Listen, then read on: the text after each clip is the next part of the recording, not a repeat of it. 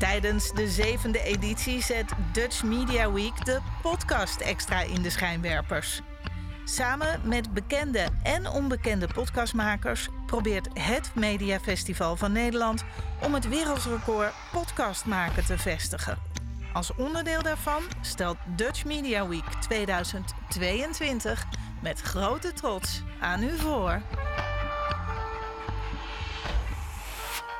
Margriet Darwinkel met de Unlimited Mom podcast show. Nou, die stok achter de deur had ik gewoon even nodig. Dus ik ben heel blij met het initiatief van de Dutch Media Week. Ik ben al twee jaar bezig om de Unlimited Mom podcast show neer te zetten. En misschien herken je dat ook wel als moeder, want daar heb ik het eigenlijk over. Moederschap, werken, gezin. Dat is waar ook mijn Unlimited Mom podcast show over gaat. Jezelf uitspreken en voor je eigen waarheid gaan staan is niet altijd makkelijk. Dus ik dacht, een groter statement dan hier vanavond te gaan zitten is er niet. Dus ik heb een uitgesproken visie op gezin, werk en leven. Ook omdat ik inmiddels al twintig jaar als zelfstandig ondernemer veel trainingen geef. En ook het geluk heb gehad dat ik veel vrouwen van dichtbij heb mogen begeleiden. Maar ik vond het tijd dat er nog meer over uitgesproken werd. En met het gevoel van dat alle vrouwen eigenlijk recht van spreken hebben om die diep gewortelde ambitie die ze hebben, die visie op het leven die ze hebben, om die echt ook te volgen en zich niet te laten afleiden. Daarvoor zit ik hier eigenlijk ook vandaag. En wat wil ik dan met name ook bereiken voor de Unlimited Mom? En als jij luistert, ben jij dat misschien wel. Is dat je schaamteloos en zonder schuldgevoel uh, succesvol en gelukkig kunt zijn. Zonder dat als je werkt of je je ambitie volgt, je eigenlijk uh, denkt van, oh, doe ik het wel goed met de kinderen. Gewoon schaamteloos, gelukkig, succesvol zijn en vooral een buitengewoon leven creëren samen met je partner. Dat heeft nog steeds de voorkeur. Maar hoe doe je het dan? Hoe integreer je nou eigenlijk werk en gezin? Zodat het goed werkt voor jou en je ook voldoende tijd voor jezelf overhoudt.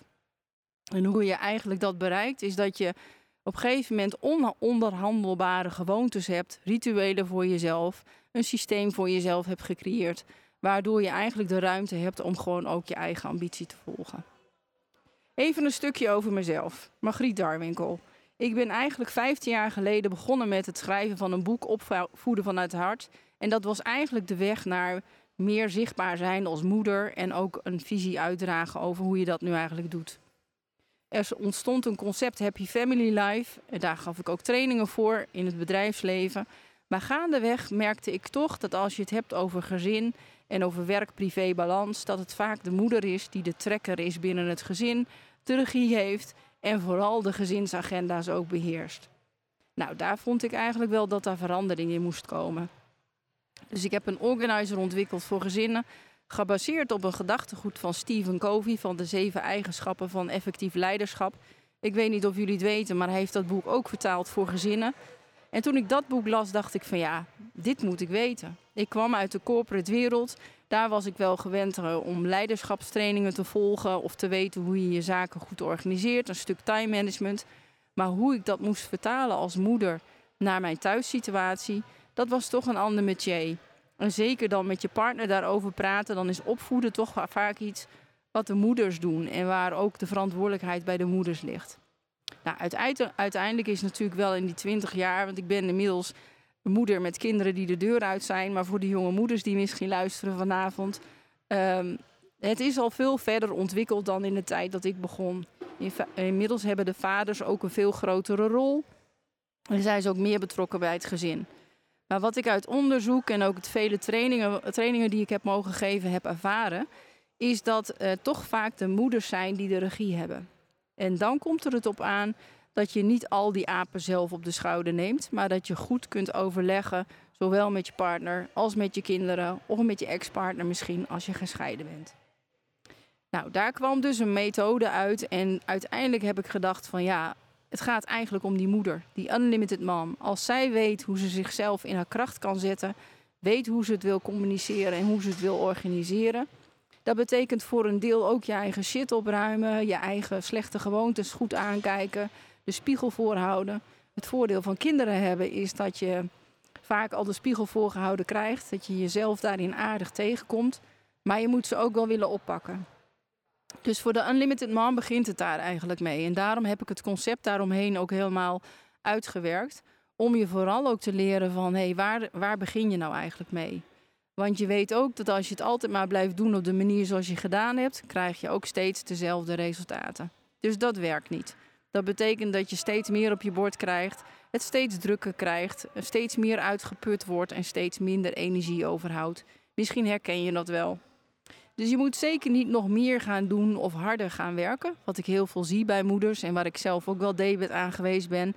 Dat je denkt van nou, dan nog maar een tandje erbij, dan gaat het misschien wel beter. Maar het gaat niet om nog meer of nog beter je best doen. Het gaat echt om bepalen hoe je het nu eigenlijk zelf wil. En dat betekent inderdaad, wat ik net al zei, gewoon je eigen gewoontes aankijken. Kijken waar je niet zo goed voor jezelf zorgt. Want zelfzorg bij moeders is vaak iets wat op de laatste plaats komt. Uh, zelfzorg is juist eigenlijk iets wat je op de eerste plaats moet zetten. Maar in de praktijk blijkt toch dat je eerder zorgt voor de anderen en dat alles goed draait en ruilt en zeilt.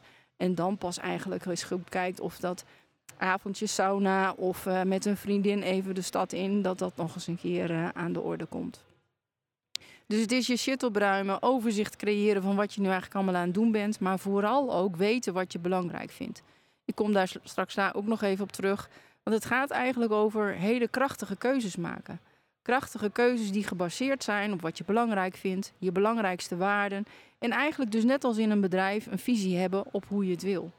Want als je die visie helder hebt, dan weet je ook welke keuzes daarbij horen. Wil niet zeggen dat die keuzes makkelijk zijn, maar je weet wel wat je basis is, je fundament. En daar gaat het eigenlijk over. Want dan ga je de dingen ook anders doen, omdat ze ook echt wezenlijk anders voelen voor jezelf. Uiteindelijk heb ik eigenlijk door de vele jaren dat ik met moeders heb mogen werken ontdekt dat we de neiging hebben, en misschien herken je dat ook wel, dat als je toch voelt dat je druk hebt, en we noemen dat ook wel vaak, hè, dat je in de overlevingsstand zit of in de red race en dat je maar door blijft gaan, dat we de neiging hebben om ons te focussen op vier thema's. En dat is eigenlijk werk, geld, hoe je het eigenlijk allemaal thuis organiseert, dus je gezinsorganisatie, maar ook hoe je um, omgaat nog met familie en vrienden. Want dat is zeker als je jonge kinderen hebt en alles gaat veranderen, dan wil je in eerste instantie nog alles een beetje houden zoals het was. Maar de ervaring leert dat dat niet meer kan. Dus die vier onderwerpen zijn vaak de vier onderwerpen waarin je continu bezig bent. Van hoe organiseren we dat? Hoe doen we het samen? Uh, hoe stem ik het af met mijn werk? Uh, is er voldoende geld om alles te blijven doen wat we willen doen? En zeker in deze tijd komt er toch steeds meer druk op het geld. En dan merk je toch ook dat je daar wel ja, goede afspraken over voor moet maken of over moet maken. Maar ook moet weten ja, hoe belangrijk dat voor je is. En het zijn die vier thema's die ik iedere keer eigenlijk ook terug uh, uh, zag. En uiteindelijk zijn eigenlijk de andere vier thema's, want uh, in mijn methodiek werk ik met acht thema's. Die andere vier thema's die eigenlijk heel wezenlijk zijn, die schuiven we naar de buitenkant. Dus als je het even de eerste vier in een binnencirkel ziet, dan zijn er nog vier, maar die duwen we vaak wat verder van ons af. En welke vier dat zijn? Dat zijn onder andere de zelfzorg. Dus hoe goed zorg je voor jezelf? Maar ook de relatie met je partner. De opvoeding. Dus welk, welke ideeën of welke visie heb je eigenlijk op het opvoeden van je kinderen? En je gezondheid. Nou, eigenlijk zijn die laatste vier die ik noem, misschien wel het begin waar je het meeste zorgen of het meeste beeld bij moet hebben hoe je dat doet. Maar in de praktijk leert het dat wij ons in eerste instantie toch op het organiseren, het werk, het geld en de familie en vrienden richten. Nou, wat ik probeer te doen met mijn Unlimited podcast, en daar is dit natuurlijk de eerste van, maar er gaan er nog vele volgen, is dat ik wil laten zien dat je al die acht thema's eigenlijk tegelijkertijd heel mooi met elkaar kunt combineren. Maar dat vraagt om een visie. En het vraagt om krachtige keuzes. Dat vraagt ook om dingen niet meer te doen. Of dingen juist uh, veel meer te doen. En dat je dan ook zorgt dat je energiek bent, de moeder kunt zijn die je wil zijn, de partner kunt zijn die je wilt zijn. En vooral ook eigenlijk je eigen beste vriendin en goed voor jezelf te zorgen. Nou, wat ik daarbij gedaan heb, en dat vond ik eigenlijk ook nog een interessante vervolgstap, is van uh, zijn er eigenlijk ook verschillende archetypes of type moeders. Dus buiten het feit dat er acht levensthema's zijn, ik noem ze ook wel de Happy Life Codes, uh, zijn er ook nog acht type moeders. Heel toevallig, maar twee keer acht, zo kwam het uit. En dat is eigenlijk ook uh, een beetje de rode draad in mijn Unlimited Mom aanpak geworden. Zo heb je bijvoorbeeld een kennismoeder. En een kennismoeder, die, nou zo, de titel zegt het eigenlijk al, die gaat heel erg af op hoe het hoort, wat ze gelezen heeft in de boeken. En die raakt eigenlijk een beetje in paniek als ze afwijkt van hoe ze het ooit eerder heeft gelezen. Daar herken ik wel een stukje van, want toen ik voor de eerste keer moeder werd, dat is inmiddels toch alweer 23 jaar geleden, toen uh, las ik de boeken zoals Dr. Spok of Oei ik groei. En dat zijn toch boeken die heel erg gebaseerd zijn op de ontwikkeling van een kind. En ik werd vaak bij het lezen van het eerste hoofdstuk al zenuwachtig. Van, oh jee, volgens mij had ik dit anders moeten doen. Nou, dat is de pech bij opvoeden. Je kan dingen wel verbeteren, maar overdoen kan, het, uh, kan je het niet. Het is niet uh, zoals bij schoenen dat je zegt van, oké, we geven ze nog een tweede ronde. Je moet het eigenlijk in één keer goed doen. Of in die zin in ieder geval bewust zijn van wat je doet. Nou, bij een kennismoeder is dat best uh, lastig. Een kennismoeder heeft natuurlijk ook veel voordelen, want ze verdiept zich in dingen, is zich vaak van veel dingen bewust. Nou, zo is de kennismoeder dus één. Maar zo heb je ook de harmoniemoeder. En de harmoniemoeder gaat natuurlijk eigenlijk over iedereen het naar de zin maken vooral. En zorgen dat er een goede sfeer in huis is en een goede cultuur en uh, goed overleg. Uh, maar zij raakt eigenlijk een beetje in paniek als ze merkt van dat er spanning is. Of dat we niet allemaal op één lijn zitten. Of dat uh, het lastig is om met elkaar aan de tafel te zitten en het gesprek te hebben over waar het nu eigenlijk niet zo lekker loopt.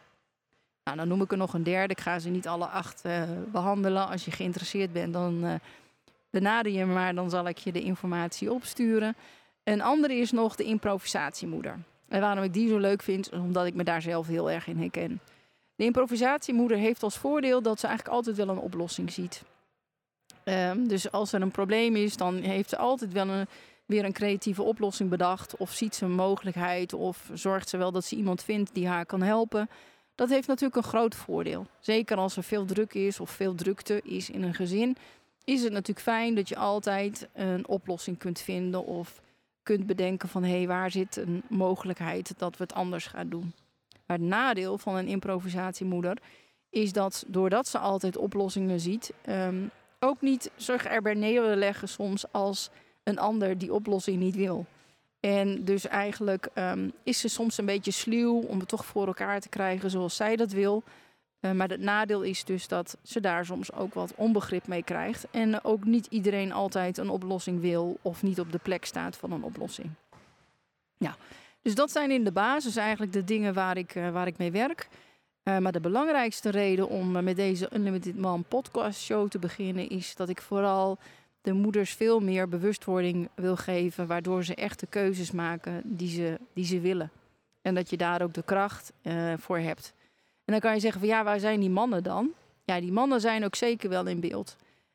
maar die zijn eigenlijk, en dat, dat zie ik toch weer terug, en daarom blijf ik daar ook aan vasthouden.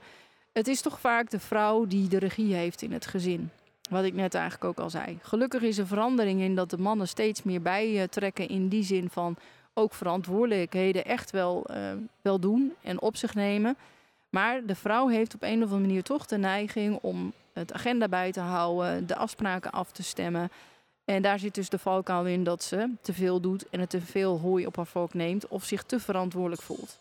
Nou, wat ik de Unlimited Man wil leren is dat je door middel van een dialoog, door middel van een familieberaad, door middel van het goed afstemmen van de dingen met elkaar en ook keuzes maken van wat, hoef je, wat moet je nog steeds wel doen en wat kan je ook lekker aan iemand anders overlaten. Want daar zit nog wel even om een klein zijsprongetje te maken. Iets wat uh, toch ook wel, ik generaliseer vanavond, ik realiseer me dat te degen, maar misschien herken je daar toch dingen in.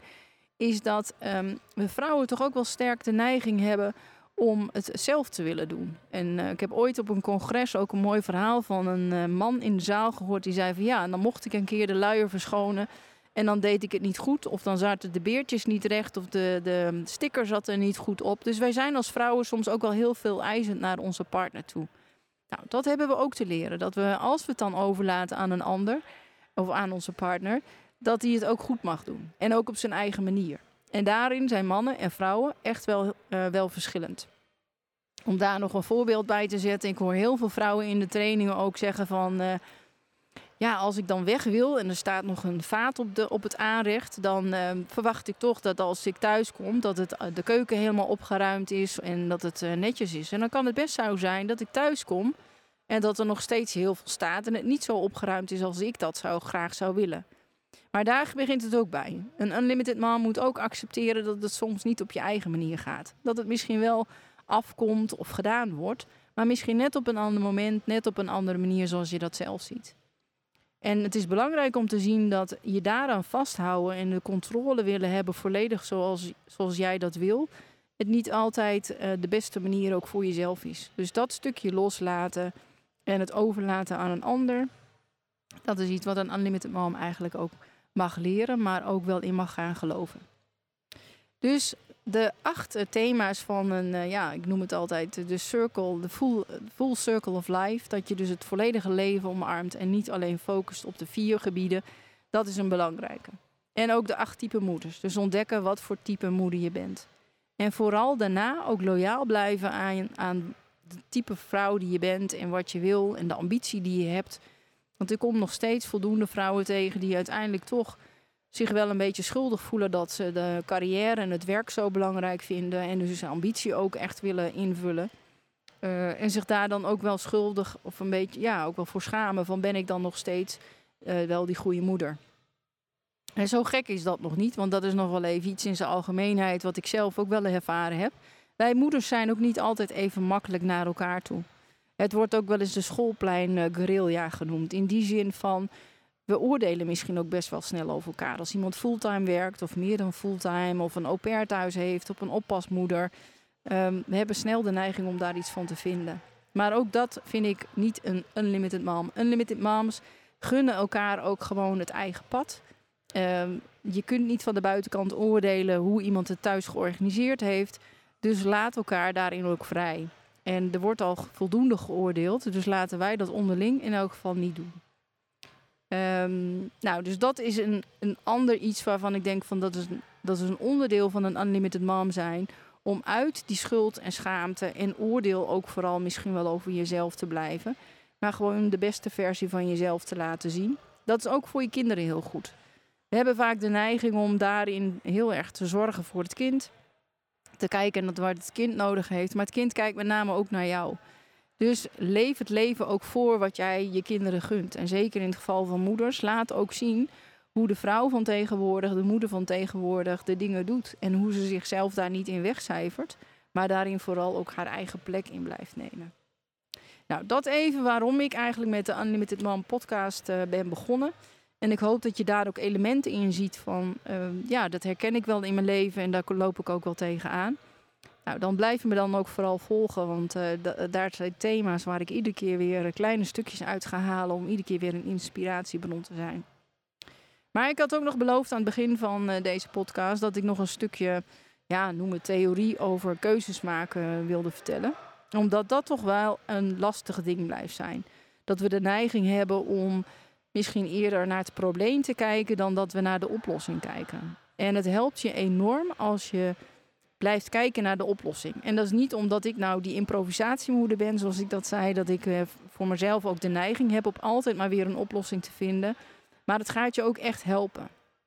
Dus als er zich een probleem aandient, ga dan niet vooral uh, in, inzoomen op het probleem. Want het probleem roept vaak ook emoties op. En de manier waarop jij je leven ervaart, heeft vooral ook te maken met welke emoties in je leven zijn.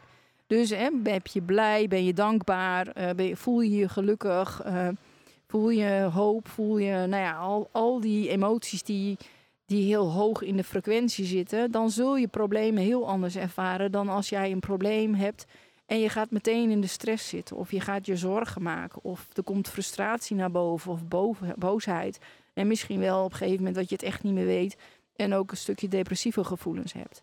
Dat komt met name dat als er een probleem zich aandient, je veel meer inzoomt op het probleem dan dat je gaat kijken van waar is dan de oplossing. Nou, het proces wat, wat je eigenlijk in drie stappen kan doen, is allereerst een keuze maken dat je zegt van ja, maar ik wil ook naar de oplossing toe. Dus dat je niet je focus hebt op waar is het probleem door ontstaan en wat is er aan de hand. Natuurlijk moet je weten wat de context is en wat er precies aan de hand is. Maar maak een keuze om het op te lossen. En zorg ook dat je daarbij gaat kijken van hey, welke hulpbronnen heb ik misschien om me heen? Of heb ik dit al een keer aan, eerder aan de hand gehad? Of wie kan ik hierbij betrekken? Of wie heeft dit al eens een keer eerder meegemaakt en zou dit voor mij kunnen oplossen of samen met mij kunnen oplossen? Dus je maakt de keuze dat je de oplossing wil. En als je dan een keuze hebt gemaakt, ga dan ook vooral helemaal zeker in die keuze staan. Want ik, en dat ben ik zelf ook echt wel, heb ik mezelf ook wel schuldig aan gemaakt, is van, ehm, ik weet het wel zeker, maar dan blijf ik voor een deel toch in twijfel staan. En dat maakt juist weer onzeker. En dan ga je eigenlijk in de energie en in de emoties weer in de neerwaartse spiraal. Dus je maakt je keuze als eerste stap en je weet het ook echt zeker. Dus je gaat ervoor staan. En dan maak ik even een zijstap. Weten waar je voor staat begint ook bij weten wat je belangrijk vindt. Dus ga ook vooral op zoek van wat zijn nou eigenlijk mijn belangrijkste waarden. Het bijzondere is dat we voor het bedrijf waar we voor werken, of als je een eigen onderneming hebt, dat je vaak heel goed weet wat je belangrijk vindt. Maar weet je dat voor je gezin en voor jezelf en voor je relatie eigenlijk ook? Dus als je die keuze gemaakt hebt, dan is het makkelijk of makkelijker om bij die keuze te blijven als je ook echt zeker weet dat die past bij je waarden en dat je ook zeker weet dat je je daaraan kunt committeren en dat er geen twijfel mogelijk is dat je een oplossing gaat vinden. En vervolgens neem je gewoon een zoals we in het Engels wel zeggen, een massive action. Dus dat betekent dat je op basis van die keuze gaat voelen van binnenuit van wat is nou de, de actie die hierbij hoort. En dat zijn eigenlijk drie stappen. Dat als je in de praktijk problemen tegenkomt, want 85% van de problemen zijn eigenlijk vrij snel op te lossen, die doe je met deze drie stappen. En ik zeg eigenlijk zijn 85% van de problemen direct op te lossen. En dat woord eigenlijk is eigenlijk bedoeld omdat ik heel veel zie dat uh, we keuzes ook voor ons uitstellen, voor ons uitduwen en uitstellen. En wat gebeurt er dan? Dan ligt eigenlijk toch de angst, de twijfel, de onzekerheid op de luur. Dus hoe langer je wacht met het maken van een keuze waarvan je misschien heel stiekem al lang weet hoe je hem wil doen, maar dat je het lastig vindt om het uit te spreken of lastig vindt om te doen, pak die olifant wel meteen uh, uh, aan, want um, het wordt anders van een mug een daadwerkelijke olifant. Dus de krachtige keuzes beginnen eigenlijk meteen met: ik wil die oplossing en ik voel ook dat ik die oplossing wil en ik ga ook actie ondernemen. Nou, dan zijn er natuurlijk nog steeds ook wel keuzes die echt wel wezenlijk zijn. En waarvan je je kunt afvragen van, ja, heb ik daar wel echt de oplossing voor? Nou, het belangrijkste is ook daar, is gewoon de tijd nemen en te gaan kijken van, hoe sluit een oplossing die ik hiervoor zou kunnen vinden, hoe sluit die aan bij wat ik echt belangrijk vind? Of ga ik hier toch voorbij aan een waarde waarvan ik dacht van bijvoorbeeld eerlijkheid of uh, een waarde zoals openheid. Als ik merk dat ik een keuze te maken heb en dat die ook echt klopt bij dat ik transparant wil zijn en dat ik geloof in dat ik eerlijk moet zeggen wat ik vind, dan ga je dat soort keuzes dus veel eerder maken. En dat, dat geeft ook die kracht en dat geeft ook dat zelfvertrouwen. Dus dat even een stukje ten aanzien van uh, het keuzes maken.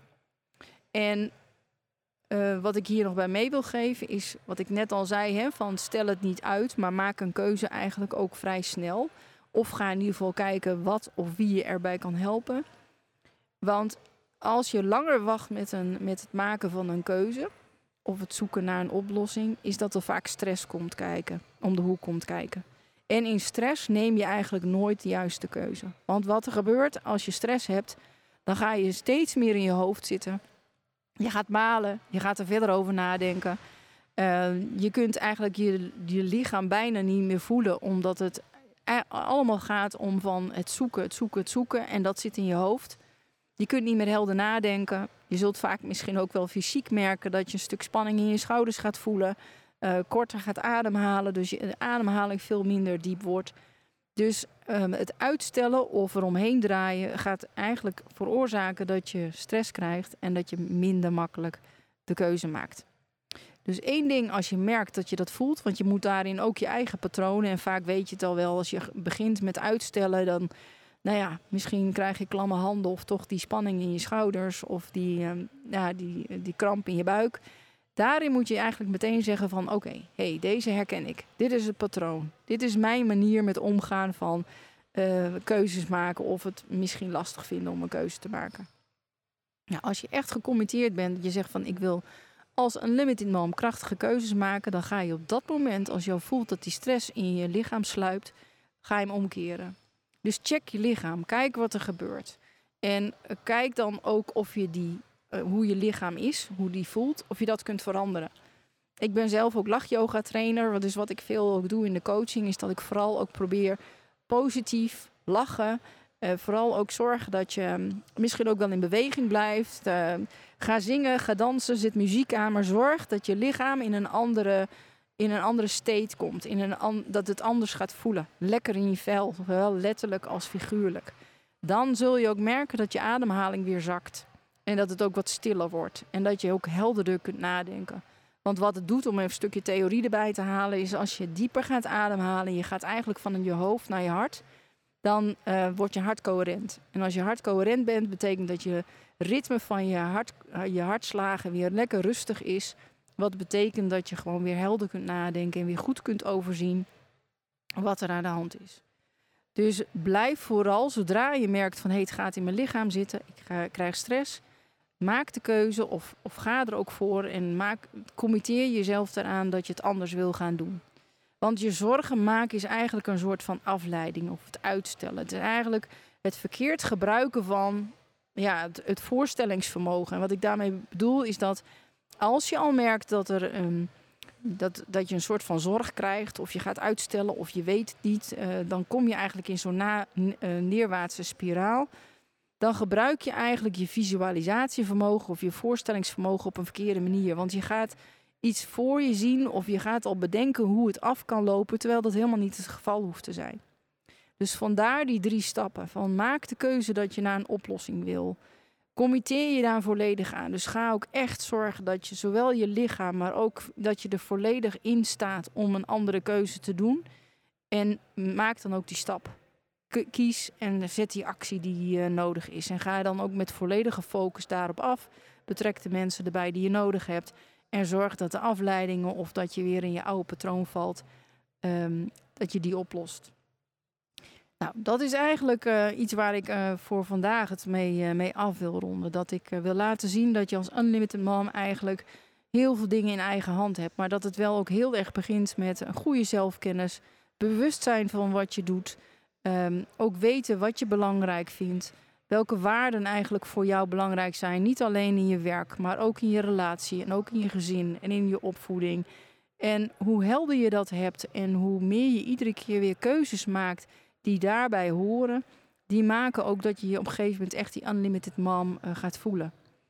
Um, ik zei in het begin al van hey, je hebt die acht levensthema's en ik zie het eigenlijk altijd als een soort mengpaneel. Dat is ook wel toepasselijk, want ik zit hier ook met een mengpaneel om me heen. En in de studio wordt er natuurlijk ook van alles met een mengpaneel gedaan om mijn stem goed te laten horen. Maar zo is het eigenlijk in je gezinsleven ook. Je hebt die acht knoppen waarvan ik zei hè, waar het eigenlijk om gaat, die acht levensthema's. En die zet je op de hoogte of op in de verhouding zoals jij dat wil. En die kan je bijstellen in goed overleg of door af en toe toch eens even bij jezelf te raden te gaan van ja, is dit nu eigenlijk hoe ik het wil? Of vind ik dat ik te veel tijd aan mijn werk besteed of misschien te weinig tijd aan mezelf?